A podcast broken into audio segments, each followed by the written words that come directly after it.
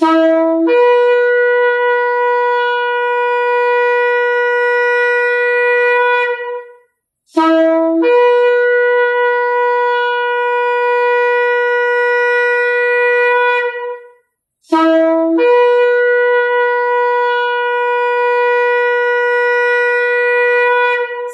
RPK yang dikasihi Tuhan di mana pun Anda berada. Shalom, Beshem, Yesua Hamasyah, salam sejahtera dalam nama Yesua Hamasyah, dalam nama Tuhan Yesus Kristus, Juru Selamat kita. Selamat mengikuti siaran Tekiah, telaah kata Ibrani Alkitabiah bersama Gembala Benyamin Obadiah, Ketua GKMI Gereja Kehilat Mesianik Indonesia. Tekiah adalah cara peniupan shofar seperti yang didengar tadi. Siaran Tekiah dimaksudkan untuk menggali kebenaran Alkitab dari bahasa dan masyarakat Ibrani yang menjadi persemayan tumbuhnya iman Kristiani kita yang berasal dari tanah perjanjian Israel di Timur Tengah. Saudara dapat mengajukan pertanyaan ke 0812-9912-430. Shalom Pak Ben. Shalom Bu Ira, Shalom sahabat RPK di mana pun Anda berada. Hari ini kita akan membahas kata Rosh Hashanah. Dalam bahasa Ibrani dieja Resh, Alef, Shin, dibaca Rosh, artinya kepala permulaan. He, Shin, Nun, He, dibaca Hashanah, artinya tahun. Rosh Hashanah, kepala tahun, tahun baru Ibrani. Imamat pasal 23 ayat 23 sampai 24. Tuhan berfirman kepada Moshe, "Katakanlah kepada orang Israel begini: Dalam bulan yang ketujuh pada tanggal satu bulan itu, kamu harus mengadakan hari perhentian penuh yang diperingati dengan peniupan, Sikron Teruah, yakni hari pertemuan kudus Mikra Kodes. Kita baru membaca perintah Tuhan kepada umatnya yang pada saat itu baru bangsa Israel saja. Adonai Elohim meminta umatnya untuk melakukan Mikra Kodes, pertemuan kudus pada tanggal 1 bulan ketujuh yaitu Tisri. Itulah hari peringatan yang ditandai dengan peniupan. Tidak dijelaskan peniupan apa dalam Torah, tetapi Mose dan Israel memahami teruah sebagai cara peniupan shofar, trompet tanduk domba jantan. Bunyinya seperti tanda di awal siaran tekiah karena itu, tanggal 1 Tisri disebut Yom Teruah, hari peniupan. Penerjemah Alkitab Indonesia menambahkan kata serunai ke dalam teks karena berpikir dalam dalam budaya Indonesia yang berbeda dari budaya Ibrani. Istilah Rosh Hashanah muncul dalam kitab Yehezkiel 40 ayat 1, bukan di dalam Torah Mose. Rosh Hashanah berarti kepala tahun, permulaan tahun atau tahun baru Ibrani. Apa makna Rosh Hashanah, tahun baru Ibrani bagi pembaca Alkitab di abad 21? Pertama, Rosh Hashanah pada tanggal 1 Tisri dapat dipandang sebagai bulan baru yang disebut juga sebagai Rosh Kodes atau awal bulan. Dalam kejadian 1 ayat 14, Tuhan berfirman, Jadilah benda-benda penerang di cakrawala untuk memisahkan siang dari malam, dan biarlah itu menjadi tanda. Ibrani Otot, dan masa-masa yang tetap Ibrani Muadim, dan hari-hari dan tahun-tahun. Salah satu benda penerang ini adalah bulan dan hari-hari raya Alkitabiah ditetapkan berdasarkan peredaran bulan. Bulan tidak hanya berfungsi sebagai tanda atau oath tetapi sebagai moed, waktu yang ditetapkan, appointed time. Ini adalah waktu yang ditetapkan Tuhan, God appointed time, untuk berjumpa dengan umatnya secara khusus. Perhatikan, matahari dan bulan, benda-benda penerang di langit ternyata diciptakan untuk menetapkan waktu-waktu yang dijanjikan Tuhan untuk melawat umatnya bukan sekedar menentukan musim dingin, musim semi, panas, dan musim gugur. Bahkan dengan memahami bahwa waktu-waktu yang ditetapkan Tuhan itu berkaitan dengan Mesias Yeshua, kita disadarkan bahwa benda-benda penerang di langit itu diciptakan karena Yesua Hamasiah. Coba cermati. Eksodus dari Mesir tanggal 14 Nisan dan kematian Yesua disalib tanggal 14 Nisan tepat terjadi pada hari raya Pesak. Kebangkitan Yesua tepat terjadi pada hari raya buah sulung. Omer Resid yaitu perhitungan Omer pertama. Kenaikan Yesua ke surga terjadi tepat pada hitungan Omer ke-40. Pemberian Torah kepada Mose di Gunung Sinai tanggal 6 Sifan dan pencurahan Roh Kudus di Yerusalem tepat terjadi pada hari raya Syafuot atau Pentakosta, yaitu hitungan Omer ke-50. Semua peristiwa penting ini terjadi tepat pada hari-hari yang telah ditetapkan Tuhan. Pentingnya Roh Kodes atau bulan baru adalah untuk menentukan awal bulan ketika bulan baru muncul. Tanpa penentuan bulan baru, tidak dapat ditentukan tanggal bulan purnama yang menandai hari raya Pesak atau Paskah, Syafuot atau Pentakosta, dan Sukot atau Pondok Daun. Dalam Imamat 23 ayat 24 dikatakan itu akan menjadi peringatan atau sikoron bagimu dengan peniupan. Bagaimana dapat dipastikan bahwa yang ditiup itu shofar bukan trompet yang lain? Ya, ini merupakan aspek kedua. Sebagai satu peringatan, dimaksudkan agar kita mengingat masa lalu untuk mengambil pelajaran bagi hari ini. Pada Ros Hasyanah, maksud ini sangat ditekankan sehingga hari ini juga disebut Yom Hasikaron. Dalam bahasa Ibrani, frasa peringatan dengan peniupan adalah sikaron teruah. Istilah teruah adalah cara peniupan shofar, bukan trompet lainnya. Cara peniupan shofar ada empat macam. Tekiyah, tiupan datar. Tet, searim, tiupan dari rendah ke tinggi. Set, tet, tet.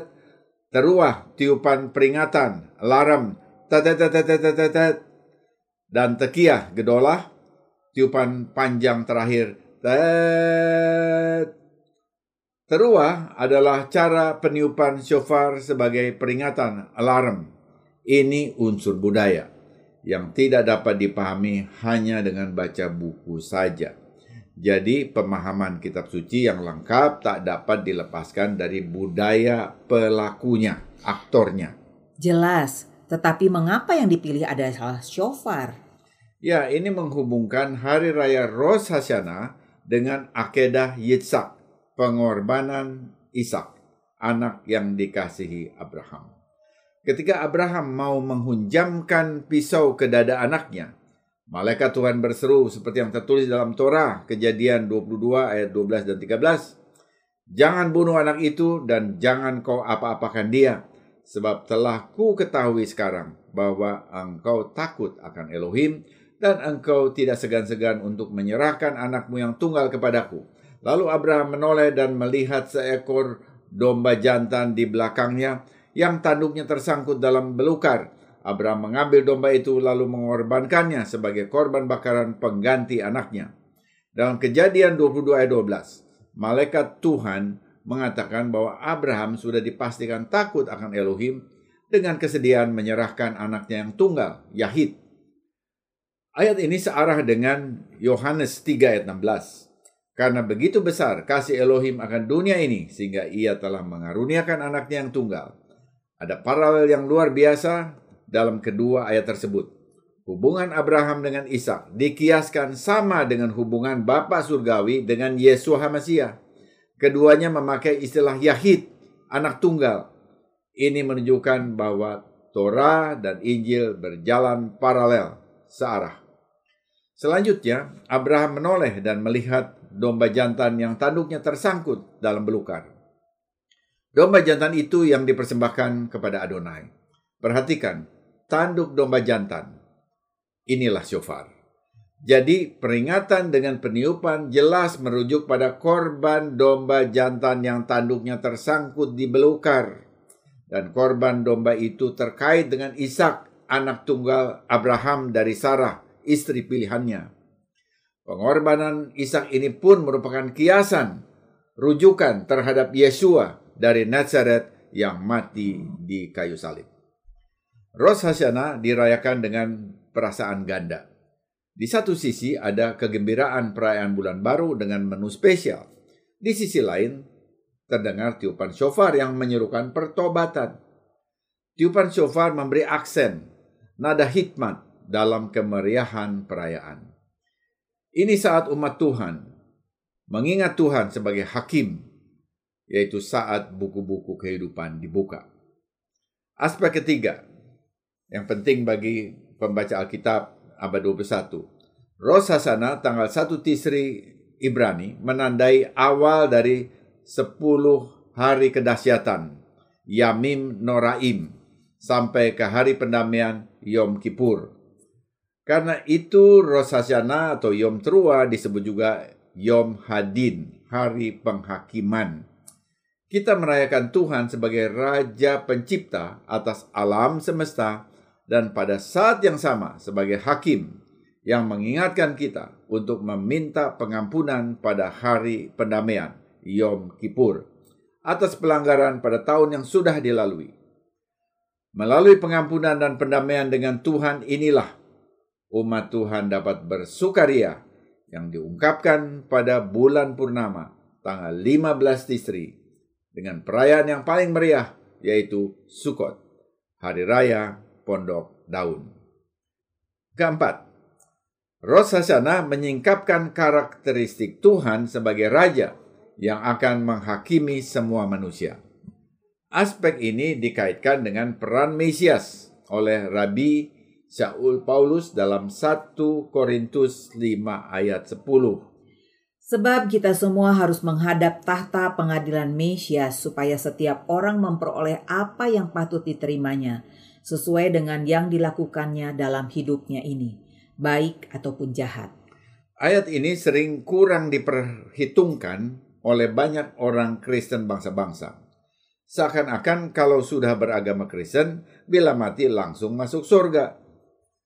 Rasul Paulus jelas mengatakan kita semua akan menghadapi tahta pengadilan Mesias untuk menerima apa yang patut diterima sesuai dengan yang dikerjakannya, baik atau jahat. Jelas tidak langsung masuk surga, tetapi melewati pengadilan Mesias. Umumnya ayat ini dipahami untuk menerima pahala dan bukan untuk keputusan surga atau neraka. Dengan ungkapan baik atau jahat, Bila orang beragama Kristen melakukan kejahatan, ia tetap diminta pertanggungjawabannya oleh Mesias Yesua. Bagaimana hal ini dapat dijelaskan?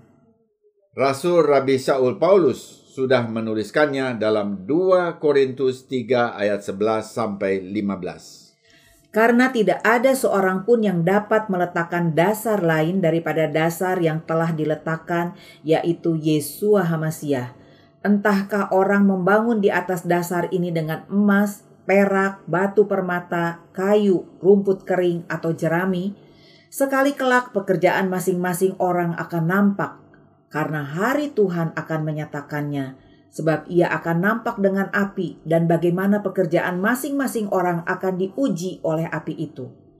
Jika pekerjaan yang dibangun seseorang tahan uji, ia akan mendapat upah. Jika pekerjaannya terbakar, ia akan menderita kerugian, tetapi ia sendiri akan diselamatkan, tetapi seperti dari dalam api.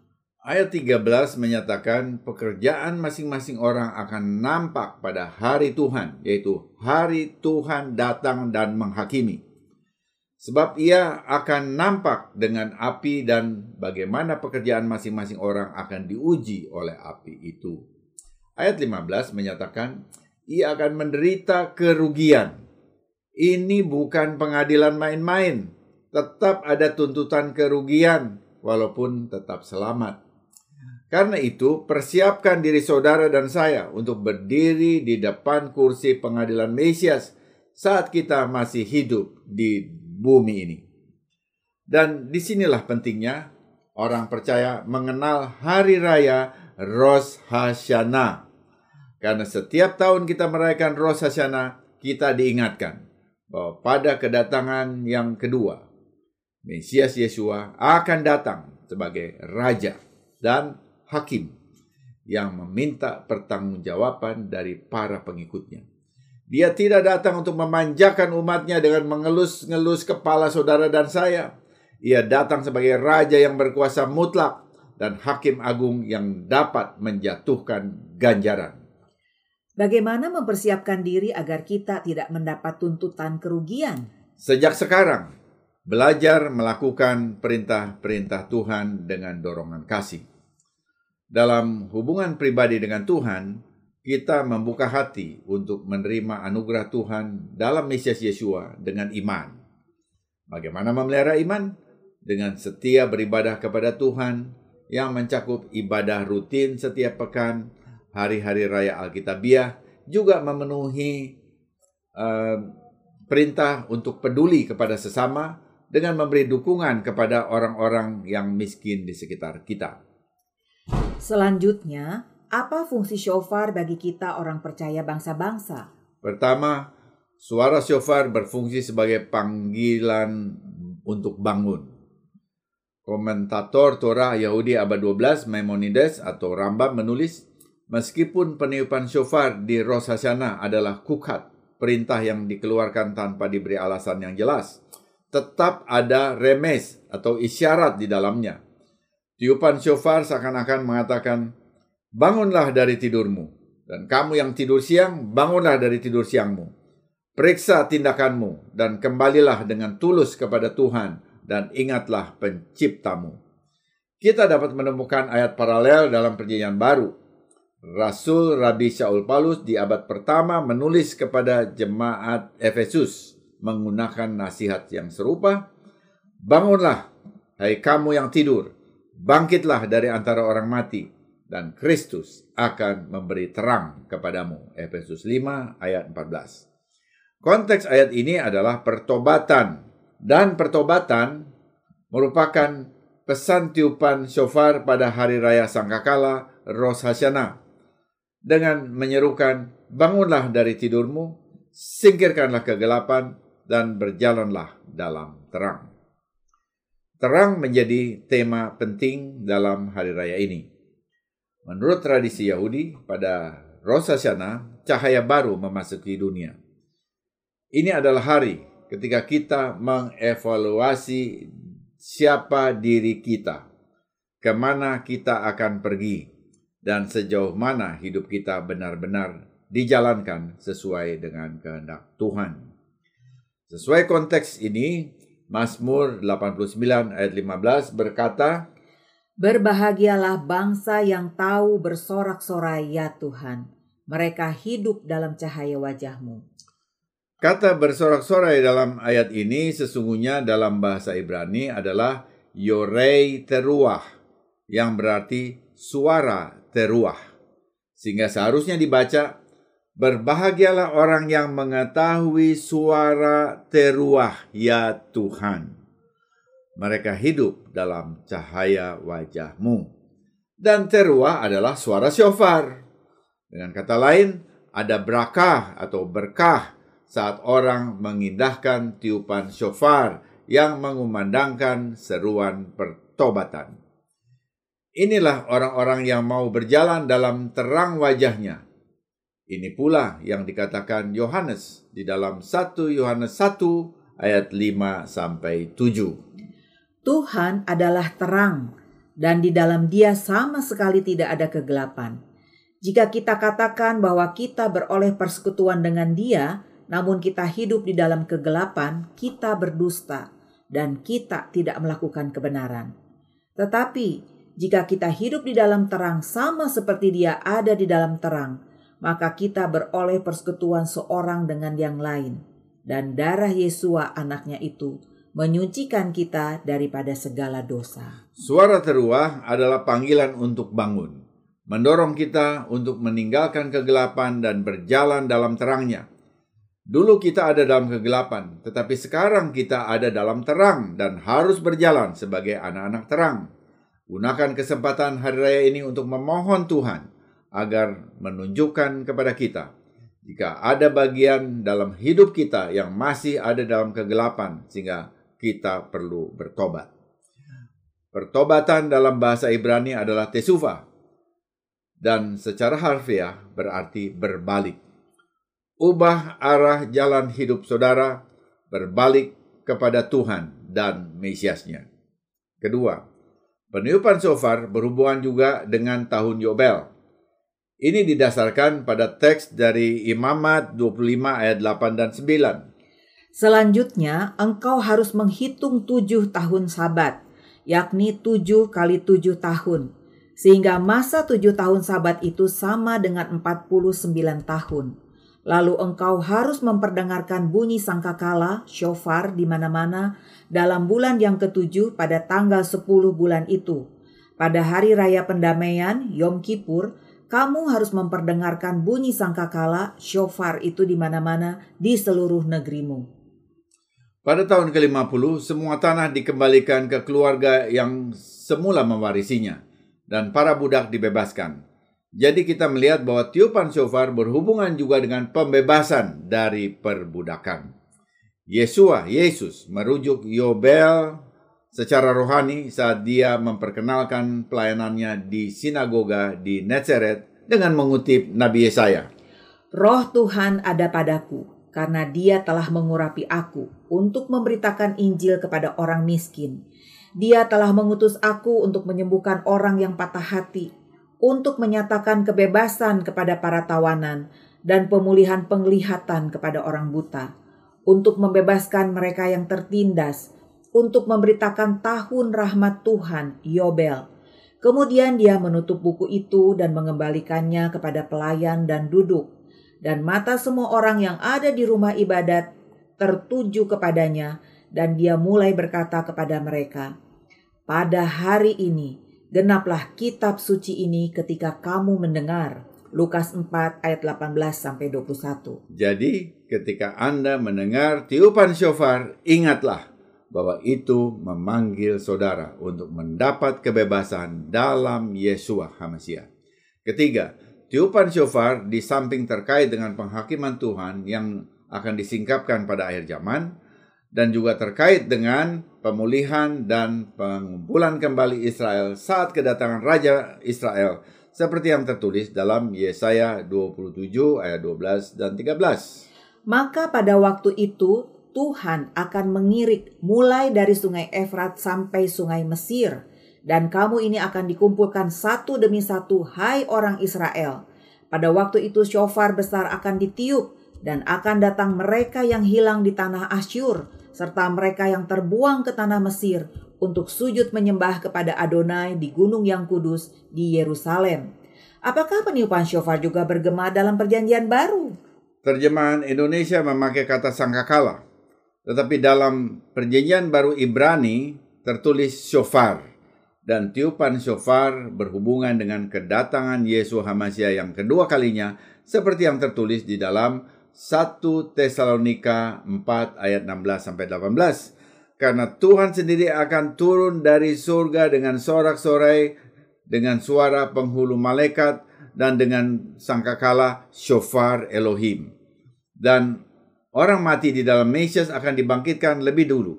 Kemudian kita yang hidup dan yang masih tinggal akan diangkat bersama-sama dengan mereka dalam awan menyongsong junjungan di angkasa dengan demikian kita akan selalu bersama dengan junjungan karena itu hiburkanlah satu sama lain dengan kata-kata ini. Dalam Wahyu 11 ayat 15. Lalu malaikat yang ketujuh meniup sangkakala, shofarnya, dan terdengarlah suara nyaring di dalam surga, katanya, Pemerintah atas dunia dipegang oleh Tuhan kita, dan dia yang diurapinya, dan ia akan memerintah sebagai raja sampai selama-lamanya. Saat kita meniup shofar di hari-hari ini, mari kita melakukannya dengan hikmat, sesuai perintah Adonai Elohim Bapa Surgawi. Mari kita sambut hari peniupan shofar dengan keyakinan dan sukacita, karena itu adalah tanda profesi, profetik akan janji kedatangan Mesias Yesua kedua kalinya. Semoga siaran ini memberkati saudara. Informasi bagi saudara. Gereja Kehilat Mesianik Indonesia akan mengadakan perayaan Yom Teruah Rosasana Tahun Baru Ibrani 5784 pada hari Minggu tanggal 25 September 2022 jam 18 waktu Indonesia Barat. Saksikan di YouTube kanal Kehilat Mesianik Indonesia. Jangan lupa subscribe, like, dan share supaya lebih banyak orang yang diberkati oleh pengajaran dari Sion dan firman Elohim dari Yerusalem. Sesudah narasi ini kita akan mendengar lagu rohani When the Roll Called Up Yonder dalam bahasa Rusia oleh Simon Korolski dan tim. Saat shofar Tuhan berbunyi dan waktu pun usai. Pada pagi hari yang terang dan cerah, ketika orang-orang yang selamat berkumpul di suatu pantai, saat shofar Tuhan berbunyi, aku ada di sana. Amin kita yang setia sampai akhir akan ada di sana, menyongsong kedatangan kedua Yesua Hamasiah. Tiba saatnya saya penatua Ira Obadia dan Gembala Benyamin Obadia mohon diri dari ruang dengar saudara. Sampai jumpa pada siaran mendatang. Yesua keselamatanku, Torah kesukaanku, menuju kepenuhan bangsa-bangsa. Shalom, shalom.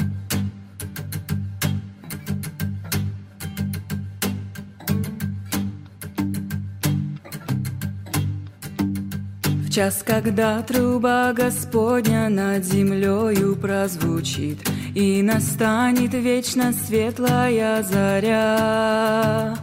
Имена Он всех спасенных в перекличке повторит, Там по милости Господней буду я. На небесной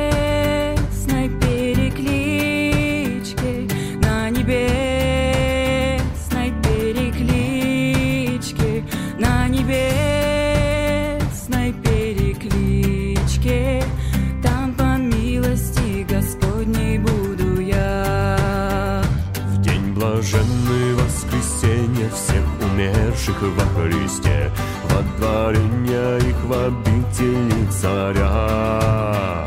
Всех святых, омытых кровью, пролитою на кресте, Созовет он и на зов отвечу я. На небесной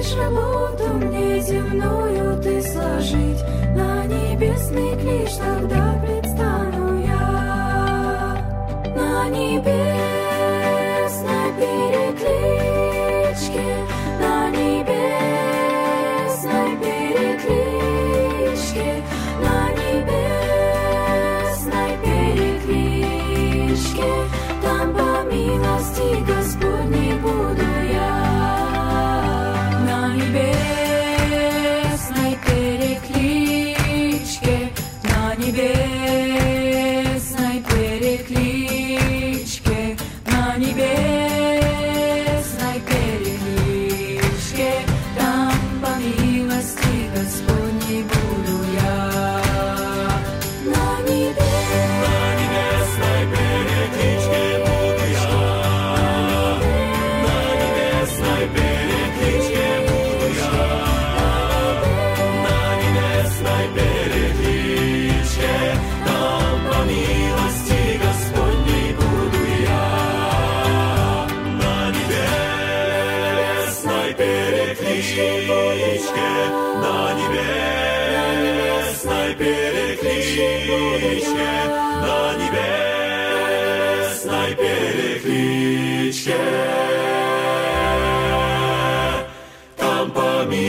Там по милости Господней буду я.